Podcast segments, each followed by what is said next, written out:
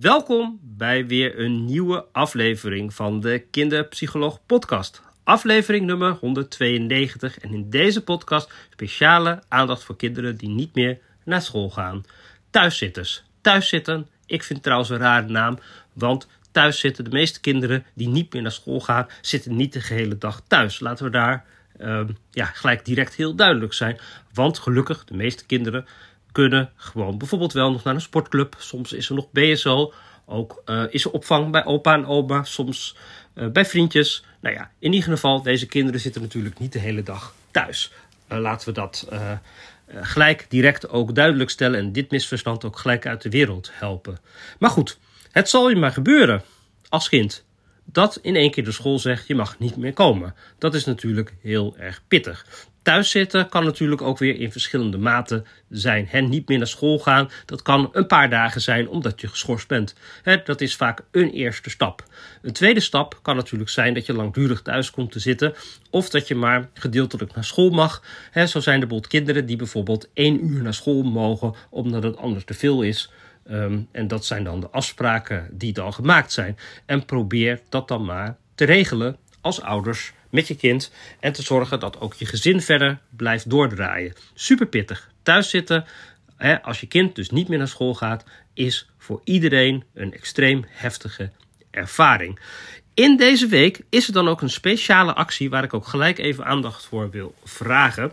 Want in deze week gaan we thuiszitters in het licht zetten. Want er zijn maar liefst 20.000 kinderen in Nederland die thuis zitten um, en niet meer naar school gaan. En dat is natuurlijk iets wat we helemaal niet willen. Het is ook best wel een stille groep, of althans, ja, als ik natuurlijk op LinkedIn of op de social media. Um, ja, zie ik best wel regelmatig dit voorbij komen. Maar ik kan me helemaal voorstellen dat dit voor heel veel mensen, heel veel ouders, dat dit stuk ook gewoon je volledig ontgaat. Uh, maar 20.000 is toch extreem veel. En um, er is dan ook echt een speciale aandacht om gewoon even een moment te hebben om echt even aandacht voor dit probleem te vragen. En ja, hopelijk dat we ook met elkaar hier uh, puzzels, want dit zijn allemaal puzzels, hè? Al deze kinderen, deze 20.000, zijn 20.000 puzzels. Maar deze 20.000 puzzels, die weten we dus als maatschappij met elkaar dus nog niet goed op te lossen. En hoe mooi zou het zijn als we uh, met deze actie ook weer nog meer mensen uh, kunnen betrekken die ook gaan meedenken en uh, ook gaan helpen om dit probleem uit de wereld te halen. Dus ja, er is een speciale actie. Ik had het al even genoemd. er is ook een speciale website. Uh, thuiszitters in het natuurlijk www er ervoor. Zo, nou, als je hem in Google intikt, ik hoop dat ik hem helemaal goed zeg, dan kan je hem hier vinden. En dan even uit mijn hoofd op maandag de 19e. Ik weet niet of het de maandag is, de 19e. In het Museumpark is er een speciale uh, bijeenkomst waarbij we deze thuiszitters of kinderen die niet naar school gaan, helemaal in het licht gaan zetten. Dus ga ook absoluut eventjes uh, naar deze website. Uh, ook hier kan je donaties doen als je dat wil. Als je thuiszitters een warm hart toedraagt en deze organisatie een warm hart toedraagt, dan is dat natuurlijk iets wat enorm kan helpen om deze kinderen ook weer verder te gaan helpen. In ieder geval, ik doe ook een bijdrage. Ik heb een mooi blog geschreven en ik deze podcast ook. En ik ga je natuurlijk meenemen in dit verhaal. Wij uh, als pleegouders uh, balanceren soms af en toe tussen uh, dat onze kinderen wel naar school, niet naar school gaan en de dreiging. De dreiging, er hoeft ook maar iets te gebeuren en we kunnen ze thuis hebben. Tot nu toe zitten ze bij ons eigenlijk op het randje en lukt het net nog. Maar ook hier zien we dat het onderwijssysteem uh, ja, vaak niet ingericht is om dat te bieden wat ze nodig hebben op sommige momenten. En dan wordt het dan af en toe ook echt extreem spannend. Uh, op dit moment gaan ze, het gaat goed met ze. Um, um, al, nou ja, ups en downs. Laten we het daarmee houden. En um, ja, thuis zitten. Thuis zitten bij basisschoolkinderen. Maar kunnen we dit dan ook voorkomen? Als kinderpsycholoog schoolmaatschappelijk werk tref ik ieder jaar heel wat kinderen aan die op een of andere reden niet naar school kunnen. Wij zijn dan ook zelf, en ik heb net gezegd, hè, pleegouder van twee kinderen met een rugzak.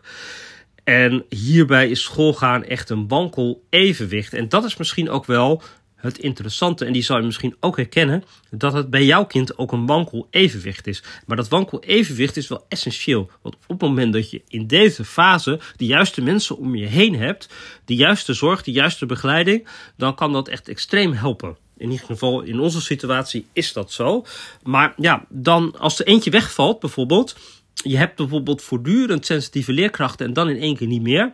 Hoppakee, dan wordt het heel wankel. Daar heb ik hiervoor ook een podcast over gemaakt. Die is nog steeds heel erg wankel en dat gaat dit jaar ook niet goed komen bij ons. Uh, maar tegelijkertijd hebben wij dan ook weer de hulp van pleegzorgorganisatie achter ons. En die bijvoorbeeld ook weer samen met ons in gesprek kan met school als dat nodig is. Dus nou ja, um, en tegelijkertijd hebben wij wel weer uh, nou ja, de onderzoeken rondom de kinderen zijn allemaal gedaan. En we weten ook precies wat er nodig is. Dus de puzzel voor onze kinderen is inmiddels wel gelegd. En dat maakt ook wel dat, we, dat het makkelijker is. Uh, en dat we precies ook weten wat we nodig hebben. En zelfs dan is het nog extreem moeilijk om te zorgen dat dan ook. Um, ja, eigenlijk alle plekken juist ingevuld zijn. En we gaan straks naar de middelbare school. En ik zag bij de verhalen ook heel veel pubers uh, met thuiszitproblemen. Uh, nou ja, die stap moeten wij nog maken. Dat is natuurlijk niet mijn core business, maar goed. Maar oké, als we naar deze kinderen kijken, hè, eh, al deze kinderen hebben gemeen dat het onderwijssysteem niet voldoende aansluit bij die onderwijsbehoeften. Ze hebben meer nodig dan de basis en de ondersteuningsbehoefte van deze kinderen is zo groot en de stap die school te maken heeft is dan ook gewoon echt nog groter. Um, en ja, onze kinderen, en misschien jouw kind ook, die zijn niet zelf in staat om op eigen kracht een stap te zetten. Dus ja, als de leerkracht het niet doet. Um, en uh, de hulp is er niet. En het kind doet het niet. Ja, wie doet het dan wel? Ja, dan is het gat gewoon heel groot. En hoe gaan we met z'n allen dan die brug maken? Ja, uh, de hulp die vanuit de zorg en pas het onderwijs geboden kan worden, is dan gewoon niet toereikend. Het lukt niet om die brug te bouwen. Ja, en dan kan je niet meedoen. Dus die brug is echt belangrijk. Of de puzzel, die moeten we, of die hebben we met elkaar te maken. Ja, en als ik dan terugkijk, als ik bijvoorbeeld twee uh, verhalen pak hè, van kinderen die thuis zitten, dan valt het ook gelijk direct op dat het extreem verschillende verhalen zijn. Um, wat mij opvalt, en daar wil ik heel graag speciale aandacht voor vragen, zijn de kleuters. Want de kleuters um, komen ook heel veel thuis te zitten. Dan zou je zeggen van ja, maar kinderen van 4 tot 5 die hoeven nog niet naar school, dus het probleem is opgelost. Ja, die hoor ik dus ook vaak en zelfs ook door passend, passend onderwijsorganisaties noemen. Maar ja, op het moment dat je uh, niet die ervaring meepakt van 4 tot 5 jaar, op het moment dat je daar dus uh, ja, niet naar school gaat, ja, dan ga je natuurlijk op het moment dat je 5, 6 bent wel. En je leerplichtig bent natuurlijk wel die problemen uh, heel erg krijgen. En juist dan is het al belangrijk om die puzzel helder te krijgen. Maar bij jonge kinderen is het natuurlijk lastig, want diagnostiek doen bij jonge kinderen is gewoon super ingewikkeld. Uh, ja, dus uh, lastig. En als ik bijvoorbeeld Jasper neem, die is vijf, hij is kleuter, extreem moe, extreem overprikkeld. Nou ja, en zijn oplossing is een heel pittig schild van boosheid op te zetten. En die overprikkeling is eigenlijk dusdanig heftig dat school op een gegeven moment besloten heeft: je mag nog één uur naar school gaan om te wennen. Dat is wel fijn. Het, je zou zeggen: zo, dat is heftig. Ja, dat is natuurlijk super heftig. Maar het fijne is wel dat die beweging naar school er nog steeds is. Dus elke dag wel even naar school. En hij is dus niet helemaal het schoolsysteem, zijn vriendjes en alles kwijt. Uh, dat is wel iets wat hij extreem naar vindt. Uh, toen hij bij mij kwam, ging hij ook gelijk vertellen: ik wil vriendjes hebben. Um, en tegelijkertijd was dat ook wel mooi, omdat we um, wel met die vraag aan de slag konden gaan en heel veel speelafspraken bijvoorbeeld hebben gegaan. Dus uh, zo hebben we wel een klein stukje weer kunnen oppakken daarin. En dat is ook wel gelijk een antwoord op hoe je met thuiszitters aan de slag kan gaan. Um, het versterken van vaardigheden is natuurlijk super belangrijk, want ja, de kinderen die te maken hebben met thuiszitten, ja, die missen dus op dat moment in ieder geval heel veel vaardigheden om zich te handhaven in school. En er kunnen natuurlijk heel veel uh, redenen zijn wat erachter ligt. Uh, maar het versterken van vaardigheden is natuurlijk wel iets wat helpend is. Want bij deze jongen is zijn ontwikkeling volledig stil komen te liggen. Zijn spelontwikkeling is zijn taakgerichtheid, nou ja, zijn concentratie, zijn aandacht. Nou, dat. Uh, enorm ingewikkeld. Wat uh, ook dan natuurlijk gebeurde, is dat de aanpak van school ook helemaal niet aansloot op dat wat nodig is. Dus ook gelijk een hele extreem heftige factor. De aanpak van school die niet aansluit op je kind. Ja, dat is natuurlijk lastig. En hoe los je dat op? Want we kunnen de school vaak niet veranderen. je hebt te maken met de klas. Je hebt te maken met uh, een bepaald type onderwijs. De één op één momenten zijn vaak beperkt. Uh, er liggen misschien ook nog allerlei blokkades bij je kind. Nou ja, in ieder geval extreem lastig. En uh, ja, hè, en dat is natuurlijk wat me altijd opvalt, dat ik ook extreem betrokken leerkrachten vaak tref. Leerkrachten die echt heel graag willen. Uh, tegelijkertijd, de samenwerking met school, die komt wel onder druk te staan. Want ja, op het moment dat je als leerkracht onmachtig voelt, en als ouder onmachtig, en als kind onmachtig, voelen we ons allemaal onmachtig. En dan krijg je de soort van hulpeloze, hopeloze situatie. En uh, ja, op het moment dat dat gebeurt, gaat het stresssysteem bij iedereen aan. En wat gebeurt er? Er gaat over en weer, komen er misschien wel verwijten. De constructieve samenwerking verdwijnt helemaal. En je komt misschien zelfs wel tegenover elkaar te staan. En dat is één die ik echt mega vaak zie. En die absoluut niet helpend is. Laten we daar duidelijk over zijn. Um, die samenwerking is wel echt belangrijk. Eh, dus op het moment dat je die samenwerking beter kan laten gaan, dan is dat iets wat gewoon super belangrijk is. Uh, en daar waar het kan, blijven we samenwerken, is dan ook gelijk een advies die ik je wil meegeven. Ja, um, wat natuurlijk dan gebeurt is de overvraging op school werkt thuis ook door in extreem heftig gedrag. Ja, ik ben ouders natuurlijk dan weer gaan begeleiden in dat stuk. Uh, van hoe kan je daarmee omgaan en hoe kunnen, kinderen, hoe kunnen de ouders hun kind beter lezen. En ik heb gelijk een parallel proces. Dus uh, nou ja, deze jongen zat thuis. Dus het voordeel van thuis zitten is dat ze makkelijk mijn praktijk in konden komen op allerlei uh, tijdstippen. Dus konden we helemaal goed aanpassen. En tegelijkertijd heb ik ook ouders echt heel erg bij de hand genomen van hoe je die boosheid bij de kinderen kan wegnemen en die overprikkeling thuis naar beneden kan halen. En, en dat was natuurlijk mooi, want toen hadden we een thuiszittend kind. En ouders uh, hadden dan ook wel handvatten hoe daarmee om te gaan. En dat was ook wel echt een heel belangrijk keerpunt. Uh, want op het moment dat je ook thuis nog een keer die heftigheid hebt, uh, nou, dat is natuurlijk helemaal niet fijn. Dat, de diagnostiek, um, ja, dat was natuurlijk wel interessant, want in het conflict gingen ouders zich verzetten tegen de diagnostiek.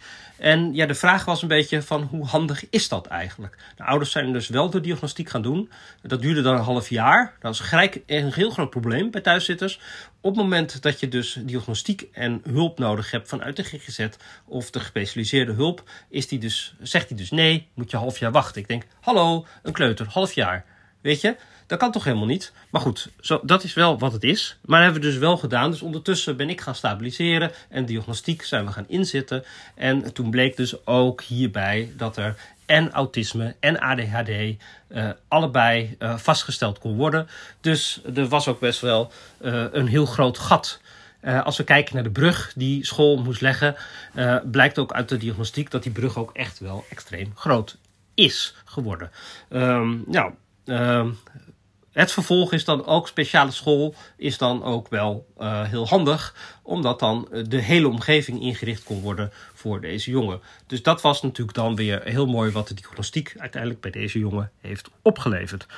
Um, wat ook interessant is geweest, dat medicatievraagstuk kwam dan ook. Nou, ouders stonden uh, best wel sceptisch tegen de medicatie. En die snap ik ook helemaal. En die hoor ik ook vaak Uh, hierbij heeft wel gezorgd dat die medicatie deze jongen echt helemaal naar beneden uh, heeft gehaald. Uh, waardoor die hele ontwikkeling weer echt helemaal um, ja, heel goed op gang is gekomen op alle vlakken. Dus in dit geval ja, was, er waren er zo ontzettend veel zaken die uh, een rol speelden. en heeft dit ook gewoon weer een stapje gezet.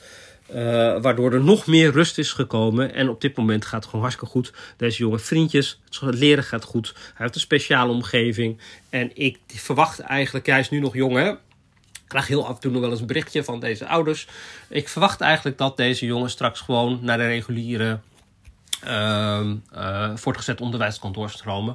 Want dit is ook gewoon een slim kind. Hadden het direct al in de gaten, ook al deed hij niks op school.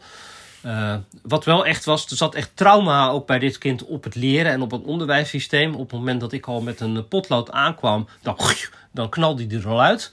Uh, en papier. Dus probeer hem maar eens in de klas aan het werk te krijgen. Nou, dat is ook helemaal omgekeerd. En uh, ja, die ontwikkeling is gewoon weer helemaal aangegaan. Dus dat is echt wel super mooi. Maar deze jongen heeft wel echt een half jaar thuis gezeten. Dus ja, nou ja, dit is er dan weer één. Um, uh, en um, die tip is ook echt een belangrijke tip die ik je gelijk meegeef, is ook dat. Um, ja, daar heb ik ook gelijk tegen ouders gezegd: van oké, dit is de situatie. Uh, ik geloof dat ik ze toen in maart uh, sprak. Ik zei: ga regelen dat je tot aan de zomer hem kan opvangen. Nou, hebben ouders gedaan. Opa en oma allemaal mensen ingezet. Heel veel psycho-educatie ook gegeven aan de omgeving. Want als opa en oma en je moet deze handelen, zeg maar. Uh, dat is dus echt op sport. En als je uh, richting de, nou ja, als je 65 of ouder bent, dan is dat echt wel te doen. Uh, heb je twee kinderen, kan je soms ook splitsen. Dat helpt ook enorm. Uh, of dat de andere dan eventjes, uh, nou ja, of even kort weggaat. Nou ja, weet je, dat is een enorme puzzel. Maar die opvang is echt extreem belangrijk om die te regelen. Nou, dat is in ieder geval één voorbeeld. Uh, dan heb ik ook eentje van tien. Uh, tien is ook zo'n voorbeeld. Hè? Uh, behoorlijk wat kinderen op die leeftijd die ik dan ook tegenkom. Uh, deze die uh, ja, op het moment dat er stress was, of hij blokkeert volledig, of hij trekt zich en trekt zich dan helemaal terug en is dan niet meer te doen. Uh, maar wat hij ook doet, is heel extreem heftig reageren, heel veel ruzie op andere kinderen en heel veel conflicten maken. En heel veel kinderen die ook bang van hem zijn. Dat is natuurlijk gelijk het lastige. Uh, als dat gebeurt, en dat is super naar, hè, als je dat dus over hoort van andere ouders. En dan gaan andere ouders daar dus ook op reageren. Dat was hier ook. Uh, dat is heel lastig. En ook naar de school toe. Dus dan krijgt een leerkracht dus, naast dat er allerlei situaties met het kind zijn, ook nog allerlei uh, klachten van andere ouders. Die er ook allemaal iets van vinden. nou, geeft extreem veel gedoe. Ehm, dat was dan hier zo ook. En het lastige is dat we niet goed weten wat deze jongen nou precies triggert. Uh, hele kleine dingen. En het, ja, je krijgt dan, ik weet niet of je Peaky Binder kent, uh, die film. Weet je, zo dat. Dan krijg je, uh, ik vind die, die, die leider is ook echt wel super interessant. Ik zie soms ook heel vaak kinderen die een beetje dat patroon hebben. Van dat je dus wel um, extreem rustig en helemaal onder controle en gefocust. En op het moment dat hij eruit schiet, nou ja, dan knalt hij in de film zeg maar alles eruit. Nou, dat gebeurt hier dus ook. Zo dat. Dus echt vluchten en vechten. Dat. Uh, ja, tot dat, nou ja, dit allemaal. En op zich, dat, dat hobbelt al zo door. En dan, weet je, dan, dan ik werd als schommeltchappelijk werker in dit geval al wel betrokken. Uh, ja, totdat op een dag er iets gebeurt. En het werd bij de jongen zwart. Het was me iets kleins, maar het was er wel. En hij knalde er helemaal uit. En hij, in een blinde vlaag van woede, rent hij dan zo de school uit. En ja, daar stond toevallig ook de conciërge toevallig. En die denkt van, huh, wat gebeurt hier? En ja, laat je dan een kind zo de, de, uh, de straat op rennen. En dan hoop je dat er geen auto overheen komt of dat. Nou ja, dus in een uh, uh, ja, reactie in ieder geval, uh, in een reflex pakt die conciërge een beet. Uh, maar wat er dus dan gebeurt, is dat hij helemaal nog zwarter werd. En echt helemaal slaan, schoppen, echt helemaal dat. Nou ja, je mag haar kinderen ook niet vastpakken. Maar goed, ja, in dit geval uh, ja, kan ik me ook helemaal voorstellen dat je dat dat doet. Uh, in ieder geval ook helemaal uitgelegd. En ouders snapten het ook helemaal. We waren ook helemaal blij dat uh, we dit wel gedaan hadden. En toen kwam dus eigenlijk het verhaal, of eigenlijk pas heel later toen ik met de jongen sprak, kwam eigenlijk het verhaal. En dat hij dus een hele nare ervaring vroeger heeft gehad. Waarbij hij echt een traumatische ervaring gehad had. Waarbij hij ook vastgepakt was door iets of dat. En eigenlijk iedereen was het vergeten dat dat alweer gebeurd was. Maar dat zat wel erin. Uh, en die. Nou, dus uh, dan zie je weer hoe extreem het dan op dat moment ook uh, is. En dat er dus ook trauma achter liggen. Die is ook vaak vaak bij kinderen die thuis zitten, zit er toch iets van een trauma. En deze is heel heftig. Maar soms is er ook gewoon een heel jaar lang onbegrepen zijn en niet aangesloten, kan ook gewoon extreem traumatisch doorwerken op kinderen. En dat er allerlei triggers zijn. In ieder geval bij thuiszitters, ik denk dan altijd maar. Ze hebben een, een, koffer en je weet niet wat erin zit. En als we dan naar kijken, bijvoorbeeld naar de traumasensitief lesgeven. Dat is ook echt gewoon een methode om heel goed van Leonie Koppers. Het boek raad ik je ook echt aan om die uh, te lezen als het gaat om thuiszitters. Dat is echt een hele goede aanpak. Want bij thuiszitters en trauma, ga er maar vanuit dat er iets van trauma zit. Bij de meeste kinderen is dat. Uh, in ieder geval, wat hier dan ook nog een keer een geval was, is dat er later bleek ook nog dat ouders uh, gingen scheiden. Dat is ook natuurlijk fijn. Dat vertelde, ja, de, nou is niet fijn natuurlijk. Uh, is hartstikke naar en hartstikke heftig. Maar wat wel fijn is dat ze het nu vertellen. En wat dus ook bleek is dus dat dat dus al daarvoor al heel veel speelde. En ik merk het eigenlijk op het moment dat ik niks kan verklaren, is dat er vaak één die er dan een half jaar later uitploepte. Dat ik denk, oké, die hadden we niet gezien, die hadden we niet zien aankomen en de ouders ook niet verteld. En dat is natuurlijk ook lastig, van ga je dit wel vertellen als ouders of niet vertellen. En soms weet je ook helemaal nog niet als er veel ruzie is en dat, dat gaat ook met stappen. En nou ja, is natuurlijk ook wel iets wat uh, heel erg kan uh, invloed kan hebben. Deze jongen is overigens geschorst. Uh, dus korte periode thuis geweest. En is daarna. Um, ja, er was eigenlijk lijn met, met een behandelaar en medicatie. Uh, dus dat was heel fijn hier. En hier kon het zorgteam, en daarom vind ik deze extra extreem mooi om te vertellen. Uh, kon, was er gewoon zorg die direct bereikbaar was. En dat is natuurlijk geweldig, want meestal is dat niet. Als je een half jaar hierop moet wachten en helemaal moet aanmelden, ja, dan, dan, dan gaat deze dus mis. Dat snap je natuurlijk wel. Maar nu konden we medicatie doen. En met die medicatie uh, konden we uh, de. Um, in ieder geval in deze periode, uh, ja, de, de, heftigheid van het trauma en alles wat er op dat moment speelde, in ieder geval even naar beneden halen. En hij heeft eigenlijk een heel korte periode medicatie gekregen. En is daarna eigenlijk doorgegaan naar andere behandeltrajecten. Ouders waren ook niet zo heel. Um, ja, laten voorstander van medicatie. Ook. En medicatie hoeft nu ook niet altijd bij thuiszitters. Want ik heb nu toevallig twee voorbeelden gegeven. Uh, de oplossing te zijn. Uh, maar wat wel hier is geholpen heeft. Is dat de boel echt even naar beneden is gegaan. Uh, waardoor. Ja, het is daarna dus echt makkelijker werken. Op het moment dat uh, die stresslevels gewoon niet heel de tijd eruit schieten. Uh, dat is natuurlijk wat medicatie uh, kan doen. En wat hierin dan ook echt extreem helpend is geweest. vervolgens hadden we natuurlijk dat deze jongen steeds meer puber werd. En ik weet dat hij toen hij 11, 12 was, eigenlijk die medicatie eigenlijk liever niet zelf wilde. Ik weet eigenlijk niet hoe dat in ieder geval is gegaan. In ieder geval, nou ja, dat is ook wel weer een verhaal apart van hoe ga je wel en hoe ga je niet om met medicatie. Nou, ik heb in mijn blog zal ik nog, uh, die zal ik ook delen uh, en op de website plaatsen. Dat zal van de week allemaal erop uh, komen. Ehm, daar heb ik natuurlijk een heel lijstje van zaken die van invloed zijn. Hè. Pesten is natuurlijk ook soms eentje die ook heel erg veel invloed kan hebben. Waardoor kinderen niet naar school willen, bijvoorbeeld. Nou ja, in ieder geval handvatten die ik in ieder geval uh, op een rijtje nog voor je wil zetten voordat we gaan afronden, is die vroegtijdige interventie. Zo vroeg mogelijk de problemen doen. Onderzoeken, dat is natuurlijk belangrijk. Hè? Dat heeft natuurlijk wel heel veel geholpen bij deze kleuter van vijf. En dat is nog heel extreem moeilijk om dat te doen. Maar heel vaak bij kinderen die ik tegenkom, waarbij thuiszitten uh, een rol speelt, is de diagnostiek eigenlijk niet gedaan en weten we niet goed wat er in die binnenwereld allemaal aan de hand is. En op het moment dat we dat helder hebben, is dat er één die gewoon kan helpen. En sommige kinderen, want ik heb er nu bijvoorbeeld eentje uh, genoemd die um, met medicatie naar beneden gegaan. Ik heb bijvoorbeeld ook een, die had ik ook kunnen noemen. Uh, waarbij ouders echt dachten: oh, dat wordt echt autisme. Of dat wordt echt ADHD. En dan, ja, dan bleek dus um, dat dat in het subklinische stuk eigenlijk bleef. Een medicatie um, is dus uh, niet voorgeschreven in deze. Uh, maar tegelijkertijd was ik dus al zo met die vaardigheden, vaardigheden, vaardigheden aan de gang. En de communicatie, dat is ook de volgende. De communicatie met school is verbeterd. En ouders thuis hebben echt ook heel veel handvatten. Die heftige boze buien weg. Uh, veel meer, uh, de, nou ja, veel meer gedaan op die ontprikkeling. En ja, die is dus zonder medicatie opgelost. Dus, nou ja, dus dat is dan ook wel weer één. Maar wel die vroegtijdige interventie, door wel de diagnostiek te doen, heeft wel precies gedacht van, oh, dit wel, dit niet.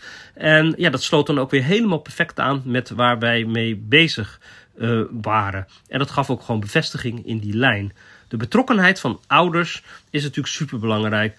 open communicatie tussen school en ouders is gewoon super belangrijk. Op het moment dat je die communicatie niet meer hebt en dat je echt uit elkaar steekt en dat, je, dat het niet meer te doen is, ja, misschien heb je helemaal gelijk als ouder uh, en moet school veranderen en zo, maar dat gaat niet gebeuren. ga dan voor je geluk en kijk of je een speciale school of een andere school uh, dat. ja, er zijn ook organisaties die je daarbij kunnen helpen. om op het moment dat je tussen plaatsing, dus als er geen school meer is en het sluit niet aan. Er zijn mensen die de hele dag dit soort werk Dus ja, dan moet je even kijken, want het, ja, ik kan wel wat linkjes geven, maar dat is gewoon per regio helemaal weer verschillend. Uh, maar weet wel dat dat er is. En daar kan, als je daar naar op zoek gaat en naar gaat doorvragen, is natuurlijk ook een hele uh, belangrijke. Ondersteuning voor het kind kan je direct inzetten. Schoolwetenschappelijk werk, kindercoaching. Nou, er zijn heel veel trajecten. Dat is wat ik ook gewoon doe. Gewoon naast het kind staan. kind staat niet meer alleen. Gaat gewoon de extreme direct dempen. Heel belangrijk. Voor jezelf als ouder ook. Um, ga een coach regelen voor jezelf. Uh, iemand die uh, overzicht maakt, de lijnen uitstippelt, dat. Hè, dat wat ik nu dus al eigenlijk zit te vertellen ook. Hè. Uh, heel veel kan je hier misschien ook op bedenken oh ja, die is handig, die is handig. Hè. Haal daar voor jou uit wat voor jou handig is. En misschien heb je ook al heel veel geregeld. Dat is natuurlijk dan ook helemaal prima. Regel de opvang voor jezelf en je kind. Ga zorgen dat je het volhoudt. En weet dat het lange adem is. Het is niet morgen opgelost. He, zoals ik ook tegen deze ouders zei: van ga het regelen voor nu en tot aan de zomer dat de opvang geregeld is. Betekent dus, ga het ook voor vertellen. Ga vertellen aan opa's en oma's familieleden. En ga een netwerkje neerzetten. En ga proberen om alle gaten die je hebt op te vullen. Want op het moment dat je helemaal vastloopt in je werk, dat je niet meer kan werken, uh, dat je elke keer weer naar huis moet, uh, ja, dan dat, dat, daar, daar heb je iets in te regelen, zodat je dit goed kan volhouden. Zorg echt goed voor jezelf. Super, super belangrijk. Misschien wel de eerste om te regelen.